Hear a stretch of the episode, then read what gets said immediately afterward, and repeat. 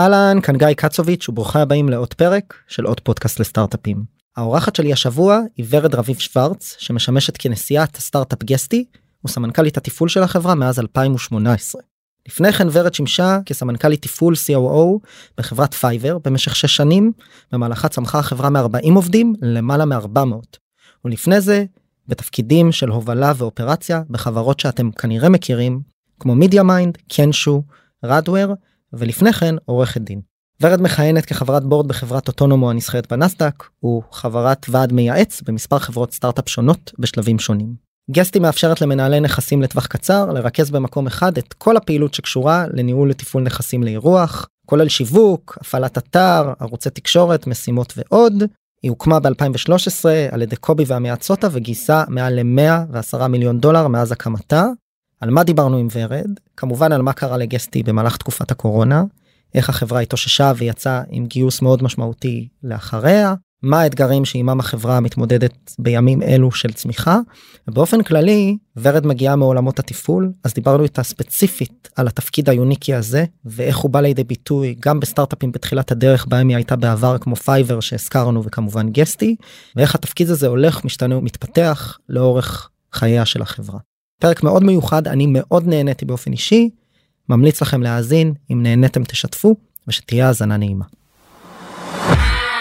עוד פודקאסט? עוד פודקאסט. עוד פודקאסט לסטארט-אפים.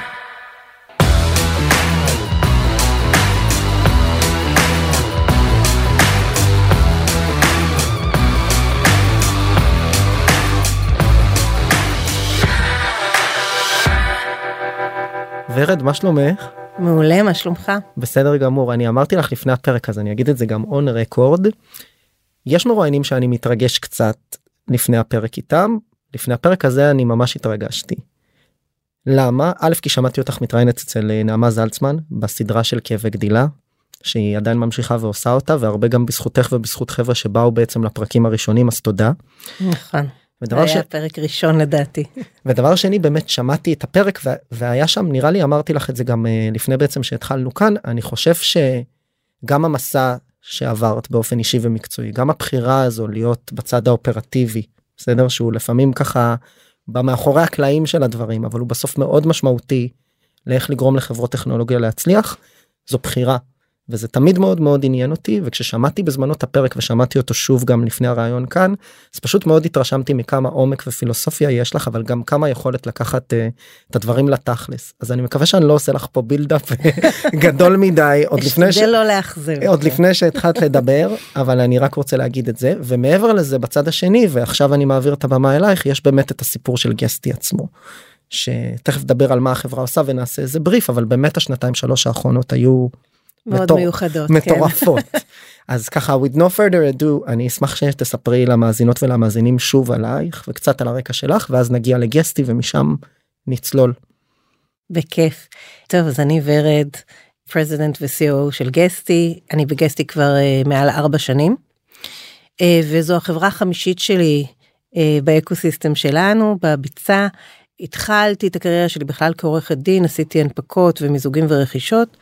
בשנת 2000 יש מי שקראו לזה תקופת הבועה הראשונה החלטתי שאני רוצה לעבור לתכלס להיות חלק מארגון אה, להוביל תהליכים ולא רק להיות זאת שכותבת את המסמכולוגיה בצד ומלווה מהצד ועברתי לרדוור שבדיוק הנפיקה הייתה חברה צעירה. אה, ולמעשה התחלתי את הקריירה שלי שם כיועצת משפטית לאט לאט הרחבתי את הטווח פעילות שלי בחברות אה, כשאחרי רדוור הייתה את מידיה מיינד שהנפקנו ומכרנו.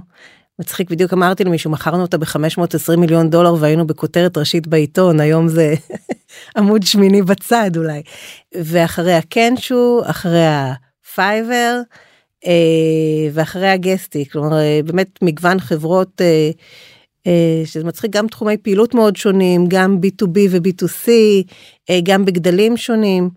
פייבר הייתה החברה הכי קטנה שהצטרפתי אליה. הצטרפתי אליה כשהיינו רק 40 איש הייתי ה executive הראשון בעצם שהמייסדים הביאו להצטרף אליהם.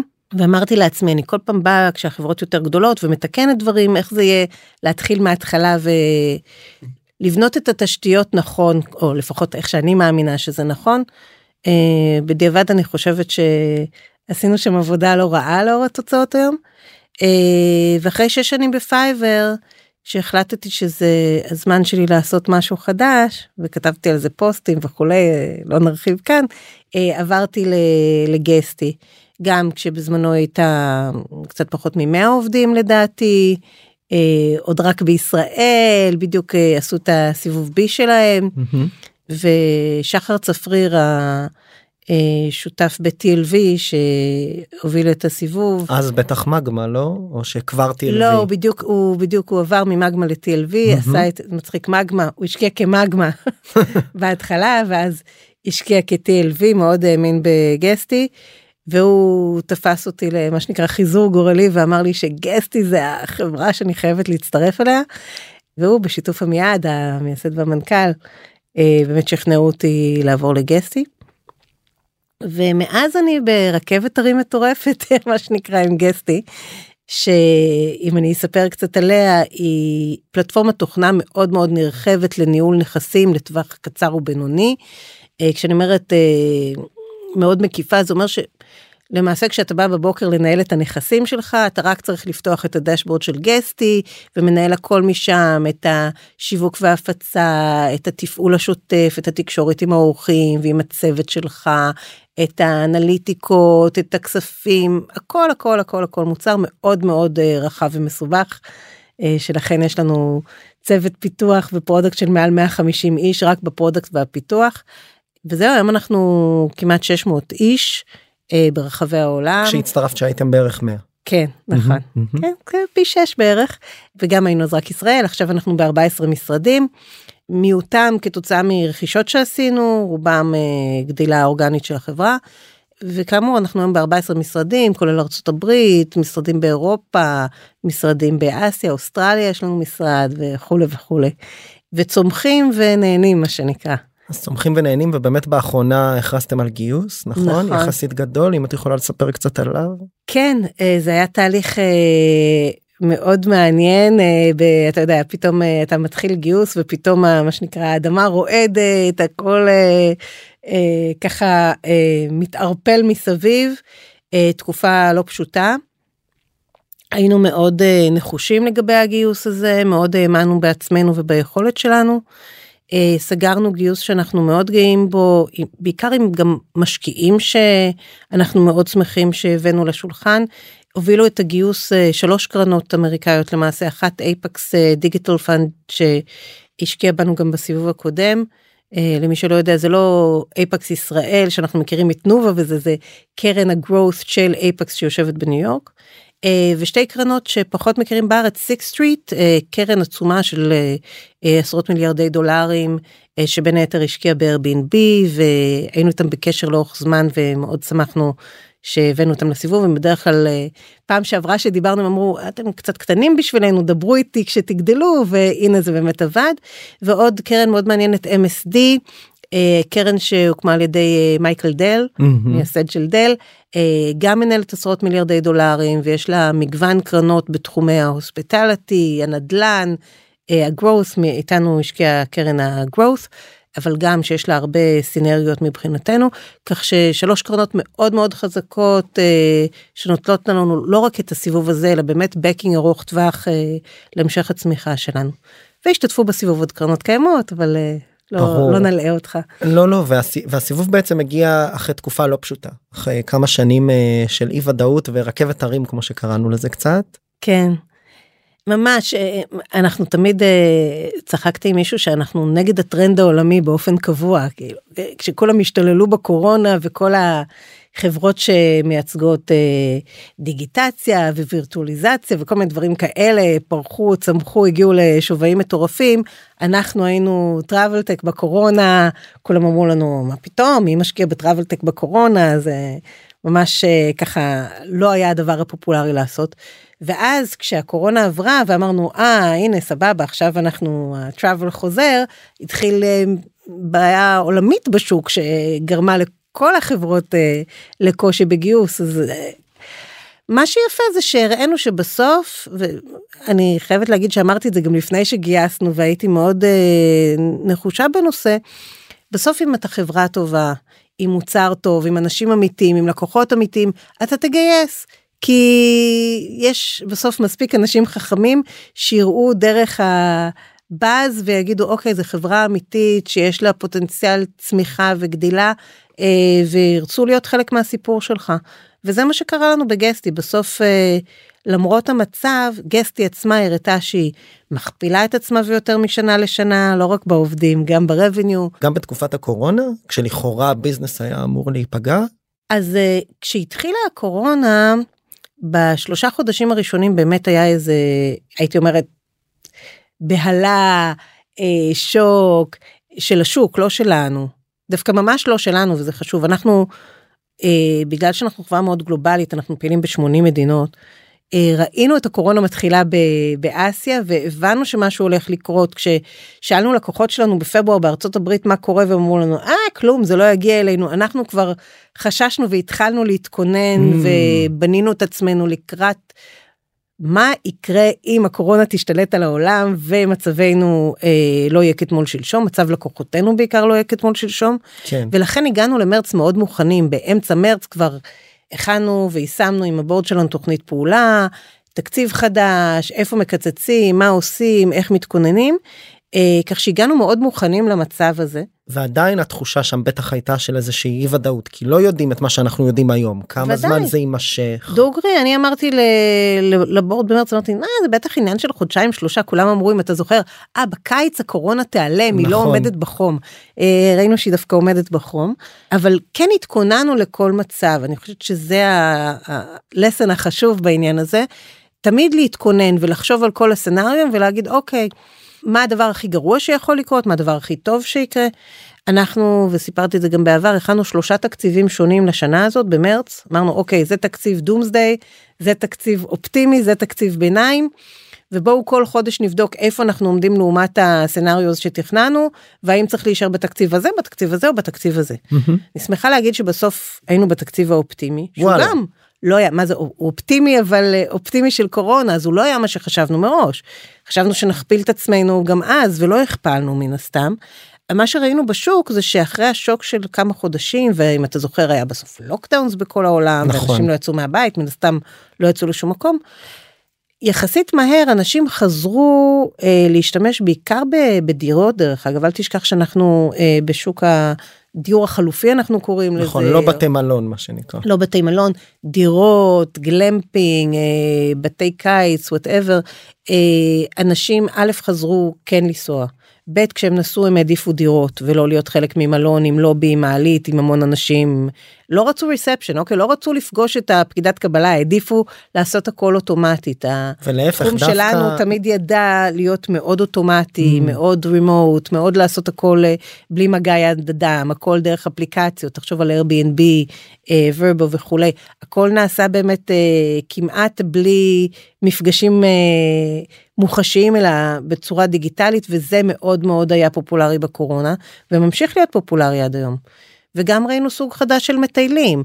אנשים שאומרים אוקיי אני עכשיו יכול לעבוד uh, מהבהאמאז חודש והבוס שלי לא יודע איפה אני ממילא. בדיוק. אז uh, אנשים חיפשו דירות חיפשו פתרונות חיפשו איך לעבוד מרחוק דרך דירות. חשוב להם פתאום שיש וי-פיי שיש שולחן עבודה שיש uh, חללים יותר גדולים כי הם חיפשו uh, פתרונות לטווח יותר ארוך משפחות שרוצות להיות ביחד ורוצות לעשות ערבוב ההורים אומרים אנחנו נעבוד והילדים יצאו פה לחצר או ילכו לים אה, דברים שלא היו בעבר כל כך.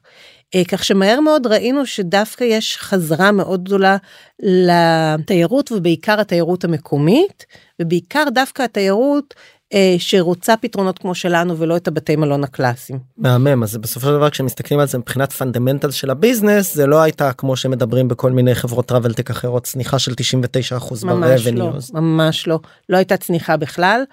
בהתחלה לא היה גידול כמו שחשבנו אבל אף פעם לא ירדנו רק עלינו. מעניין. ואחרי השנה הראשונה התפוצצנו כי לא רק כי השוק חזר והתחילו יותר uh, לנסוע.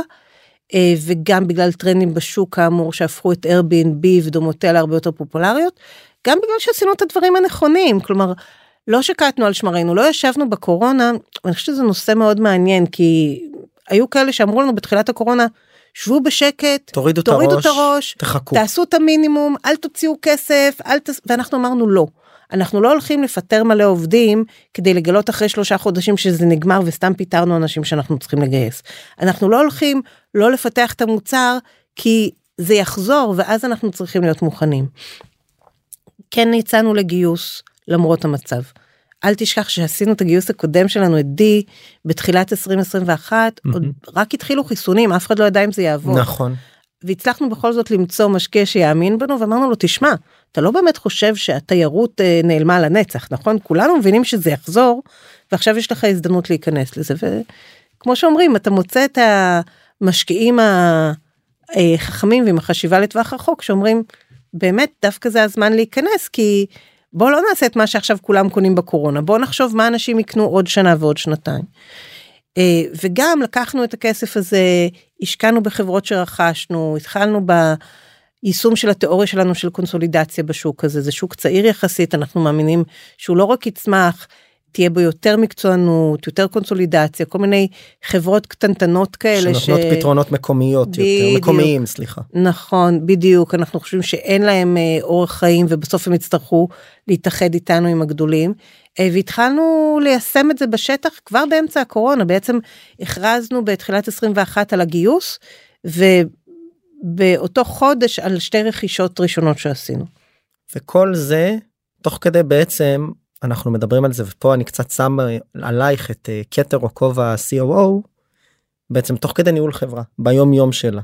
נכון בתקופה של שלוש שנים שהם באמת היו ups and downs גם לא רק מהזווית של גסטי אני פה מה שנקרא עשיתי רעיונות בתקופה הזו והשקעתי בחברות אז באמת בהתחלה היה איזושהי ודאות ואז חווינו שנתיים שהם כנראה השנתיים הכי משמעותיות מבחינת כסף שזרם פה לאקוסיסטם הישראלי גם לקרנות גם ליזמים חברות שצמחו לשווים מטורפים אפשר לדבר על האם מוצדק או לא. וספציפית מהזווית של הוורטיקל שלכם באמת טראבל טק ועולמות של uh, תיירות מה שנקרא ותוכנה שפונה נכון למנהלי נכסים בסוף נכון אז בהתחלה היה איזושהי ודאות ואז כשצמחתם אז השוק עכשיו בדיוק באיזושהי האטה השוק הציבורי מתחיל אולי לחלחל גם לפרטי. איך מנהלים חברה ככה ביום יום קמים בבוקר ומתקשרים את הדברים האלה לא רק מול המשקיעים והבורד אלא מול העובדים איך מייצרים איזושהי בהירות כשיש כזה כזו חוסר ודאות. דרך אגב הבהירות הזו והתקשורת מול העובדים היא הרבה יותר חשובה בעיניי אה, מאשר מול השוק ומול המשקיעים כי בסוף אתה קם בבוקר ואתה פוגש את העובדים שלך והחברה היא לא יותר מסך ההון האנושי שלה ואנחנו צריכים תמיד לזכור את זה. אז אנחנו אחד מהדברים שעשינו מההתחלה ועד הסוף זה שקיפות מלאה עם העובדים. כלומר כבר שהתחיל המצב הזה ונקטנו פעולות לקחנו את כל העובדים, הסברנו להם בדיוק את המצב, הסברנו להם למה אנחנו עושים את זה. אה, עשינו בתחילת הקורונה פגישות עם החברה כל שבועיים. כל שבועיים עדכון מה קורה, מה השתנה, מה עשינו, מה אנחנו רואים. העובדים שלנו חשופים להכל, למספרים, לטרנדים, לאחוזי הנטישה, לאחוזי הגידול, כל דבר שאתה רוצה לדעת, העובדים שלי יודעים.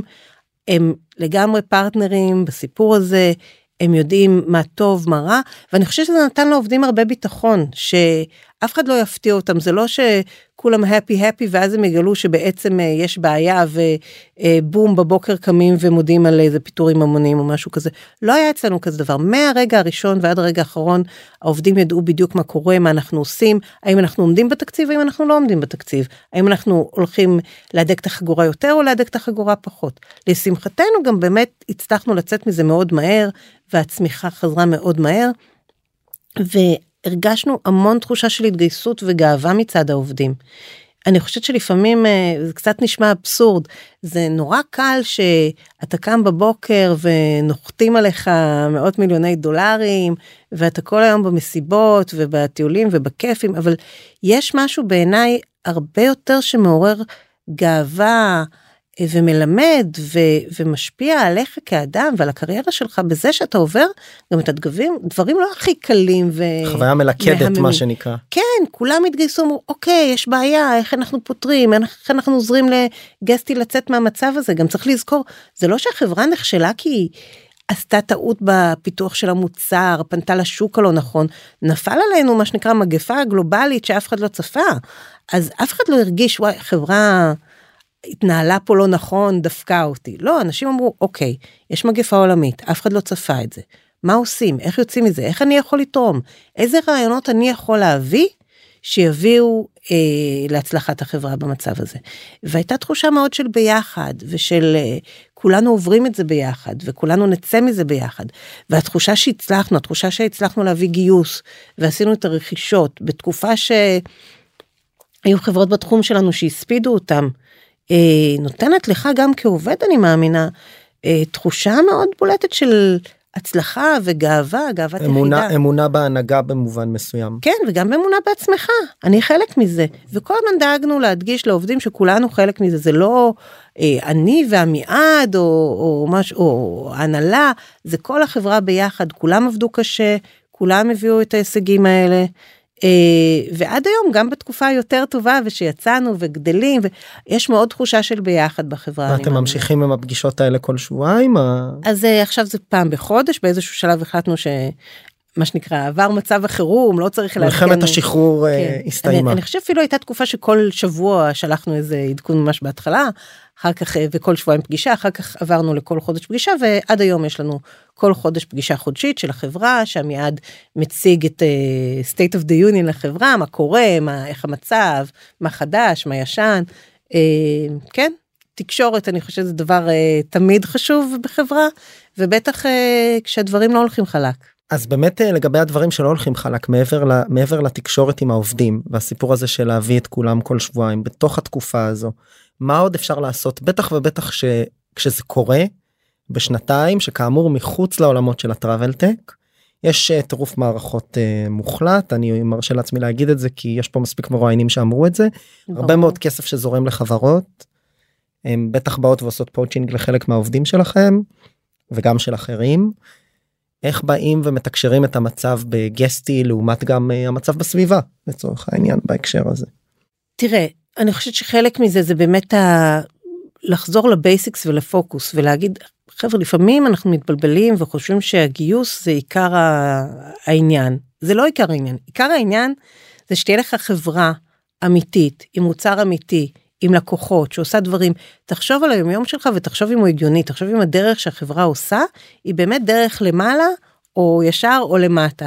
אה, ולפעמים אנחנו קצת מתבלבלים בנושא הזה, אני רואה יותר כתבות על גיוסים ועל שווים מאשר על מה החברה עושה, מה היא משנה בעולם הזה, מה היא, מה היא עושה יותר טוב. דרך אגב, זה לא צריך להיות אה, לרפא סרטן בהכרח, אוקיי? נכון. גם זה שאנחנו מאפשרים לעסקים קטנים אה, להצמיח את העסקים שלהם ולהרוויח יותר כסף ולשרת את הלקוחות שלהם בצורה יותר טובה, ויש לא מעט חברות ישראליות שעושות דברים כאלה, זה בעיניי מאוד ראוי, ובסוף אתה מצדיק את השם שלך כסטארט-אפ, או אחר כך כחברת טכנולוגיה, בזה שבאמת ייצרת טכנולוגיה שמשנה משהו לקהל הלקוחות שלך ומאפשרת להם אה, להצליח יותר במה שהם עושים.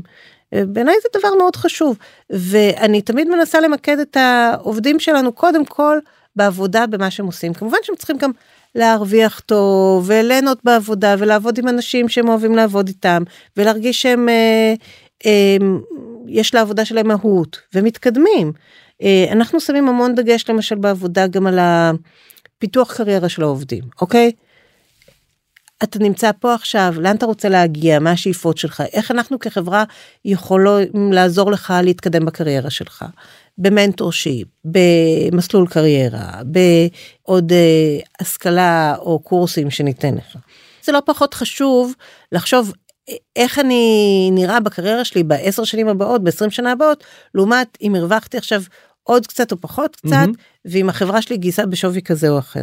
זה משהו שפעם את מדברת על כל הסיפור הזה של אה, פיתוח לעובדים. אני מרגיש אבל תקני אותי אם אני טועה שלפני 10 15 20 שנה זה לא היה כל כך על הפרק זאת אומרת טוב, לא היה את הציפייה כמעט של עובד בהייטק הישראלי שהחברה תבוא ותייצר עבורו איזשהו מסלול ותוציא אותו לכל כך הרבה קורסים. זה משהו נכון. שאת רואה שהוא השתנה כקו מגמה כללי כן, אני חושבת שקודם כל בכלל אה, כל נושא העובדים בהייטק השתנה לאורך השנים. אה, היחס לעובדים, אפילו אני אומרת, היום קוראים לזה משאבי אנוש, אוקיי? פעם זה היה אה, כוח אדם. נכון. וההבדל הזה בין כוח אדם למשאבי אנוש יש לו גם מהות. בסם, אוקיי? לא רק בסמנטיקה. נכון, בדיוק, פתאום אה, לאט לאט חברות הבינו שהעובדים זה באמת המשאב שלהם העיקרי, הם צריכים להשקיע בו, הם צריכים לטפח בו, ואני חושבת שגם הדור הצעיר יותר של העובדים, יש לו לפעמים מחשבות אחרות ושאיפות אחרות. אני רואה יותר ויותר עובדים שחשוב להם מה החברה שהם אה, עובדים בה עושה, האם היא עושה טוב או האם היא עושה רע. פעם עובד לא היה אכפת לו אם החברה שהוא עובד בה מתעסקת ב... לצורך העניין אה, חקר סרטן, הימורים או אה, כמובן שאני מכלילה יש יש כאלה ברור. שאכפת להם אבל אה, פתאום מגיעים עובדים לרעיונות ואומרים אני לא רוצה לעבוד בפורקס או בגיימינג אני רוצה לעבוד בחברה שמייצרת משהו שיש לו מהות. יש עובדים גם שיותר מזה אומרים אני רוצה לעבוד בתחומים שבאמת משרתים את החברה. אה, בתחומים של הרס בתחומים של מזון בריא יותר כל מה שקשור לפודטק למשל דברים שלא היו קיימים לפני 20 שנה. אני חושבת שיש יותר ויותר עובדים מחפשים את המשמעות. שמחפשים משמעות בעבודה שלהם מעבר לרק לקבל שכר. אני מאמינה שגם חברה שלא פועלת בעיקר לטיפול במשבר האקלים לצורך העניין או אה, ריפוי מחלות קריטיות עדיין יכולה לשרת את החברה בצורה זו או אחרת. בתרבות מסוימת, במחשבה לאיך כן אנחנו יכולים לסייע, לתרום, לטפל, וגם באיך אני עוזרת לעובדים שלי להיות אנשים טובים יותר, להצליח יותר, אה, להתמקד בעיקר, אה, לחשוב על איך הם מתפתחים אה, גם בקריירה וגם כבני אדם. אני שומע את מה שאת אומרת וזה קצת מקפיץ לי את כל האירועים של השנתיים שלוש האחרונות שבאמת באו עם הכסף של המסיבות היחסית גדולות ואירועי חברה שטסים לכמה ימים לחו"ל וכדומה. אני גם זוכר סיפרתי לך את הסיפור הזה. אני הבאתי אני עושה סדנאות לחברות הפורטפוליו שלי בפיוז'ן. בעצם אה, עשינו איזושהי סדנה זה היה ממש בתקופת הקורונה על בוא נקרא לזה משאבי אנוש על איך לגייס עובדים איך איפה אפשר למצוא עובדים אה, מה שנקרא מוכשרים שהם מחוץ מתחת לרדאר למצוא כל מיני פורומים וקהילות. והבאנו גם אה, הרצאה אני לא אגיד את השם אבל הבאנו הרצאה על אה, איך לייצר תרבות טובה בחברה. והבאנו מישהו שבא והעביר סדנה מאחת החברות היותר גדולות. ואני הרגשתי כשהקשבתי לסדנה שבסוף כל המסר היה אה, סליחה שאני אומר לקנות את העובדים קצת בכסף. תעשו להם אפי אאואר כל חמישי ואם אין לכם תקציב כזה אז תעשו בתקציב אחר וגם אם אתם לא יכולים לקחת אותם לטיול חברה ביוון אז קחו אותם ל... לא יודע למצפה רמון. ואני באותו זמן קראתי ספר שאני ממליץ הרבה פעמים בפודקאסט לקרוא אותו אני מניח שקראת אותו ואם לא אז שמעת עליו של uh, בן הורוביץ what you do what you do mm-hmm. is who you are לא ה-hard things about the hard things השני כן. ששם הוא אומר בסוף תרבות זה הוא מפשט את זה לנו כישראלים זה קל להגיד את זה תרבות זה מה שאתה עושה זה לא מה שאתה אומר שאתה עושה זה לא סט של ערכים אה, אלא זה כל מיני פעולות שאתה מגדיר שקורות בחברה. ואני אומר בהקשר הזה אני שואל אותך כמה הרי בסוף חייבים לעשות את הדברים האלה כי העובדים מצפים לזה איפה. שומרים פה את הבלנס בין לתת ולפנק ללשמור על איזושהי באמת אולי תרבות גם של ענווה ושל להבין אה, מה העומק של החברה ואיזה ערכים או איזה סט של פעולות היא משרתת איך אתם עושים את זה אצלכם גם מהניסיון שלך ארוך השנים. כן אני חושבת שאתה מעלה פה נקודה מאוד חשובה. תרבות והרבה מדברים היום על company culture וזה תרבות זה לא משהו שאפשר לקנות בכסף תרבות זה משהו שצריך לייצר. ו... כמו הרבה דברים בשנתיים האחרונות יש תחושה שהרבה חברות חשבו שחברות שהצליחו לגייס הרבה כסף כי היה הרבה כסף שאפשר פשוט uh, לשפוך כסף על הבעיות ולפתור אותם ואני לא מאמינה בזה אני חושבת שיש בעיות שצריך לפתור אותם מהשורש או צריך לבנות אותם מהשורש כולל תרבות. אה, תרבות בעיניי זה שאתה בא לחברה ואתה מרגיש גאווה להיות חלק ממנה, גאווה לעבוד עם האנשים שעובדים לצדך, ושיש לכם מטרות משותפות ואמונות משותפות. אה, וזה משהו שאי אפשר לבנות רק בהפי hours. עכשיו אני לא אהיה פה צדקנית ואגיד שאנחנו אה, רק יושבים ועושים יוגה בשקיעה, אנחנו אה, כן עושים פעילויות ו happy hours ומסיבות וטיולים זה מגבש זה נחמד זה כיף להיות ביחד מחוץ לשעות העבודה. אבל אנחנו מאוד מנסים לאזן את זה עם פעילויות שיש בהן מהות. אני אתן סתם דוגמה ממש קטנה. אני מאוד מקפידה לחגוג את אה, יום האישה הבינלאומי, בשמיני למרץ. מצחיק, אני חושבת לפני כמה שנים בכלל בארץ לא לא היו מודעים שיש יום כזה בשנים האחרונות עם diversity וזה מרגיש יודע, שיש תחרות למי חוגג כן. את זה הכי חזק. יש יותר ואני תמיד אמרתי אין מצב הקטע הזה של להביא פרחים לנשים ביום האישה הבינלאומית זה הכי Mm. לא זה. אה, ובשנה האחרונה אה, הבאתי מישהי מהתעשייה שלנו שחוותה אלימות במשפחה וסיפרה את הסיפור שלה מהמם. והיא מנסה להפיץ את זה ובמקביל עשינו איזה פעילות של התרמה למעון לנשים מוכות וניסינו להפוך את היום הזה למשהו שיש לו משמעות ולגעת באיזשהו צבע של יום האישה הבינלאומי אה, ולחשוב איך אנחנו מטפלים בו איך אנחנו נוגעים אנחנו איך עושים פעולה. מאירים אותו ועושים פעולה. וזה היה מאוד מאוד חזק בעיניי כלומר עובד, עובדים לא רק עובדות גם עובדים באו אליי אחר כך ואמרו לי וואו ורד זה היה מטלטל. וזה מסוג הדברים שלא עולים כסף אבל אתה אתה נוגע בעובדים שלך באיזושהי צורה אתה גורם להם לחשוב על משהו שיש לו משמעות. ובעיניי זה לא פחות חשוב מהמסיבה או הקייטרינג או דבר אחר. אה, אז אנחנו מנסים לשלב גם וגם גם אה, באמת איך אנחנו מסייעים לעובדים שלנו להתקדם לקדם את עצמם ללמוד דברים חדשים להשתפר כל הזמן וגם איך אנחנו קצת נוגעים בקהילה מסביבנו בדרכים שונות. את רואה איזה שהם הבדלים משמעותיים בלנהל את האופרציה או את האופרציה העסקית כמו שאת מנהלת אותה היום לעומת אה, חברות קודמות ברמת.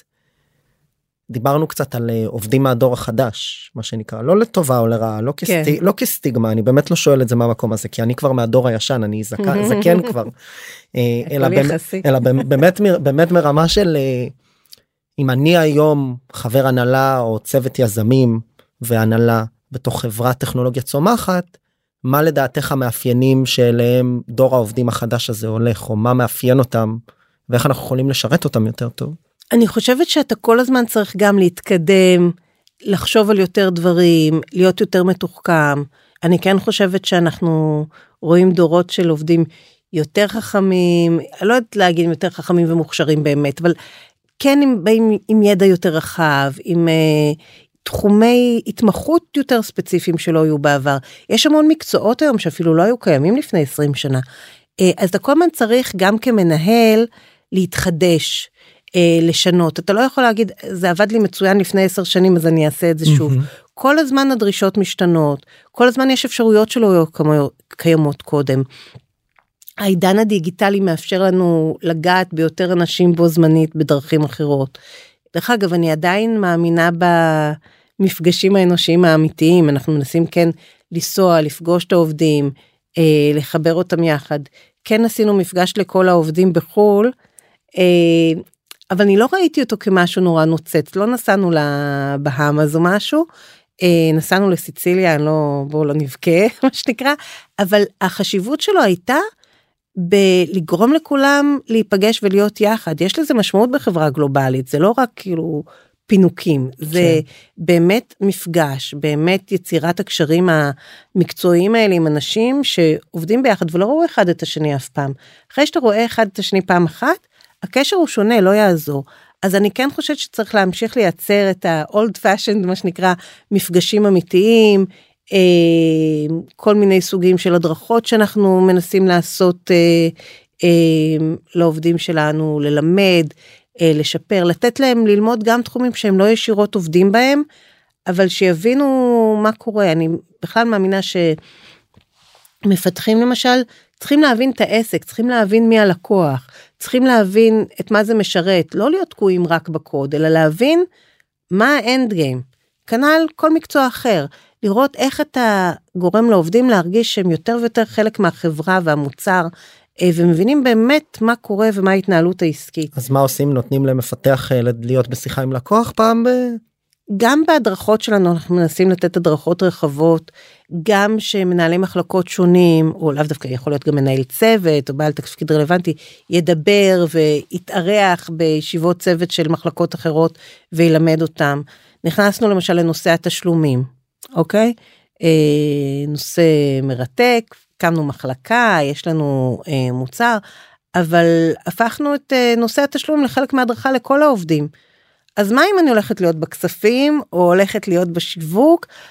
אני רוצה שתביני מה אני עושה, איך אני עושה, שתהיה לך אה, ראייה יותר רחבה של מי החברה, מה המוצר, מה רמת התחכום של המוצר והפיתוח. גם לתת את הגאווה ולהבין שאנחנו מייצרים פה משהו ענק ורחב היקף שיש לו הרבה משמעות, אה, וגם ש...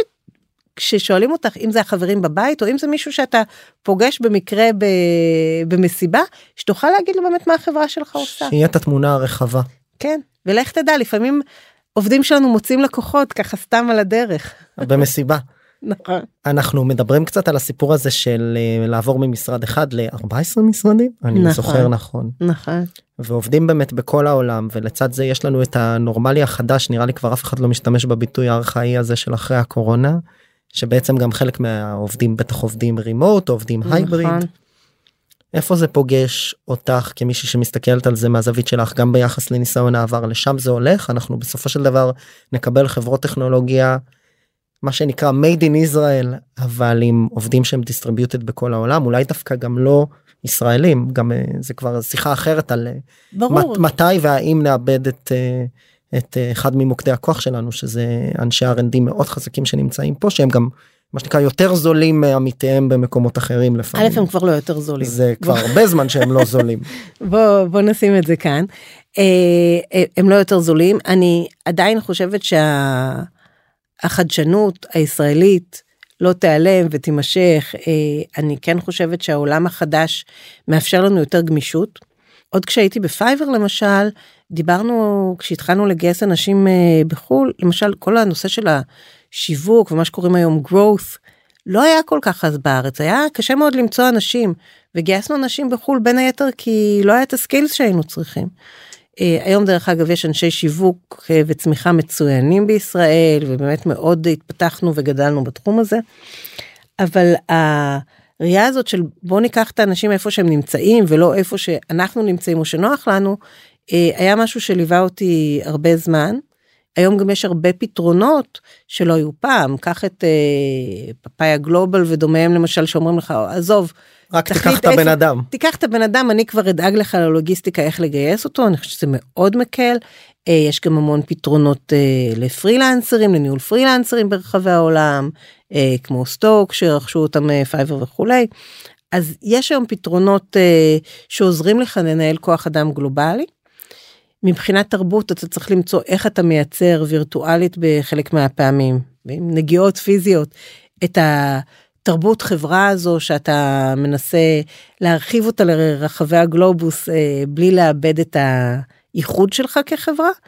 אה, ורק על זה אפשר לדבר עוד כמה שעות אבל באמת אה, זה משהו שאנחנו מנסים להשקיע בו ולהבין איך לגרום לעובד בארצות הברית ובפורטוגל ובאוסטרליה להרגיש שהם חלק ממשפחת גסטי באותה מידה. ואני מאמינה שעם הזמן משרדים לא ייעלמו בכלל אנחנו לא מעלימים את המשרדים שלנו אנחנו רק מגדילים אותם אבל אנחנו כן מאפשרים יותר גמישות אה, וזה נותן בסוף לנו יותר גמישות זה נותן לנו אה, לאפשר גם לאנשים דרך אגב עם אה, בין עם מוגבלויות פיזיות ובין עם מוגבלות אה, שנובעת מאורח החיים שלהם אם זה הורות אם זה דברים אחרים אם זה מרחק גיאוגרפי להיות שותפים במשחק הזה של ההייטק גם אם הם לא גרים במרכז תל אביב. כן, בצנטרום של הצנטרום. אני חושבת שזה נהדר מאפשר באמת לעשות יותר גיוסים בפריפריה גם בארץ אה, יותר ממגזרים אה, אחרים. אה, יותר אה, לייצר שוויון מגדרי ו- ועוד. וכמובן גם מאפשר לך לקחת טאלנט אה, מחוץ לעולם לאזן את העלויות שלך לאזן כל מיני סיכונים לא להיות תלוי רק באתר אחד אלא להיות אה, במספר אתרים. אז בסופו של דבר אני חושבת שהגמישות הזאת היא מאוד מועילה. צריך לדעת איך לא לאבד באמת את ה... את הסנטר שלך את הפוקוס שלך וגם את התרבות שלך אה, תוך כדי ההתרחבות הזאת כאילו איך לא להתפזר יותר מדי. הפוזיציה הזו של COO דיברנו על זה אני קצת סוגר מעגל מתחילת הפרק. בסוף כולנו כשאנחנו מסתכלים אפרופו הכתבות uh, בתקשורת אז רואים את uh, צוות המייסדים או את המנכ"ל המנכ"לית.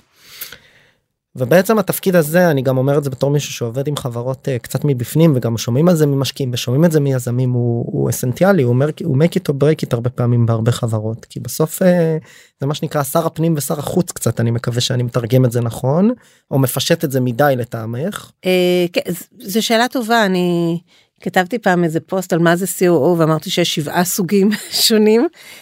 בטח מאז יש עוד. בטח יש אה, כבר 70 אבל אה, אני חושבת שזה COO זה תפקיד קצת אמורפי כי בכל חברה הוא לובש ופושט צורה לפי הצרכים של החברה. אה, ואני חושבת שיש בזה משהו הוליסטי של להסתכל על הכל מלמעלה ולראות איך אני גורם לזה לקרות, מה הצרכים, מה המגבלות, איך החברה אמורה להיראות עוד חמש או עשר שנים, ומה אני עושה כדי לגרום לה להמשיך ללכת בנתיב הנכון, יכול להיות מאוד שונה מ-CO אחד למשנהו.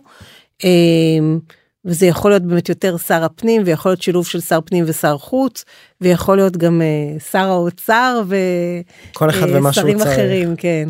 מנ, מנכ"ל יזם יזמת ששומעים את הפרק הזה בתחילת הדרך מקימים סטארט-אפ. מה כלול בתוך הסיפור הזה של לנהל את האופרציה שצריך להידרש אליו שהוא לא פחות כי כולנו מתעסקים בתחילת הדרך בחזון וב pitch נכון ובלגייס את הכספים נכון. ואולי גם לעשות את ה first hires אבל בסוף יש פה מערך שלם שצריך להתייחס אליו. אני חושבת שצריך לקשור את ה vision לפרקטיקה שזה מה שאולי חסר לפעמים לחשוב גם כשאתה בשלבים הראשונים שלך מה ה-long term vision שלך ואיך אתה רואה את המדרגות להגיע לשם ולנסות לחשוב מה המיילסטונים אבני הדרך שאתה צריך לחשוב עליהם בעוד שנה בעוד שנתיים מתי אתה צריך לעשות את תוכנית הפעולה שלך ולחשוב כל כמה זמן אני צריך להסתכל עליה מה אני צריך לשנות מה השלבים שבהם מה שהתאים קודם לא מתאים עכשיו וכולי. אנחנו בהקשר הזה כשאת רואה אם יוצא לך לראות צוותים בתחילת הדרך את ממליצה לקחת ישר על ההתחלה COO או רק שכבר יש את הגיוס ואפשר אני חושבת שזה אחד או אחד. אני חושבת שזה מאוד תלוי רוב החברות לוקחות COO אחרי סיבוב A או B זה בדרך כלל הזמן. לפעמים אחד מהמייסדים מתאים לזה מראש הוא טיפוס יותר כזה מה שנקרא פרגמטי שיותר מתעסק ב, אה, בבנייה בתשתיות בדברים האלה. אה, ולפעמים לא לפעמים המנכ"ל הוא יותר כזה ולפעמים הוא פחות כזה יש מנכ"לים שעד שלבים יחסית מאוחרים תפקדו גם כ-COO בעצמם ויש כאלה שלא. אני חושבת שאתה כיזם צריך להבין מה החוזקות מה החולשות שלך ומה הצוות הראשוני שישלים אותך כדי אה, באמת לבנות את החברה נכון. אה, וזה מאוד אינדיבידואלי במובן הזה. לגמרי. לסיום ככה גסטי קדימה מה צופה העתיד? העתיד ורוד אנחנו כמו שאמרתי הכפלנו את עצמנו year over year בשנים האחרונות ויותר מזה ואנחנו רואים את זה ממשיך לקרות בשנים הקרובות. אה, החזון זה אה, מבחינת אה, בוא נגיד מבחינה פיננסית אנחנו רוצים להגיע להנפקה ולהיות ציבוריים ולהמשיך לגדול אה, ולנהל אה, מיליארד נכסים ומעלה זו השאיפה. אבל באמת השאיפה היא לא גיוס כזה אחר או הנפקה כזו או אחרת אלא להמשיך להצמיח את גסטי ולהיות uh, הפתרון לניהול כל נכס בכל מקום uh, ואנחנו הולכים ומרחיבים את היריעה שלנו בדרך לשם. אומרת ממש שמחתי לדבר איתך תודה רבה אני. שבאת. אז זהו עוד בקרוב הפעם השלישית. הלוואי. תודה, תודה רבה. תודה. חברות וחברים, תודה רבה שנשארתם עד סוף הפרק והאזנתם לי. אני מקווה מאוד שהפרק העשיר אתכם ולימד אתכם משהו חדש, ואם הרגשתם שלקחתם משהו מהפרק הזה, אני ממש אשמח שתשתפו אותו ואת הפודקאסט בכלל, כדי שעוד יזמות ויזמים בתחילת הדרך בישראל יוכלו ללמוד על איך להקים ולהתחיל את הסטארט-אפ שלהם. אם אתם רוצות ורוצים לשמוע עוד פרקים, אני מזמין אתכם להירשם למעקב. כל הלינקים למעקב אחרי הפודקאסט שלנו מופיע ב description, וכמובן אתם מוזמנים לפנות אליי. או בלינקדאין או באינסטגרם ולספר לי איך נהניתם מהפרק ומה למדתם, או סתם לכל בקשה ותהייה, גם הלינקים האלה מופיעים אצלנו בפודקאסט. תודה רבה ונתראה בפרק הבא.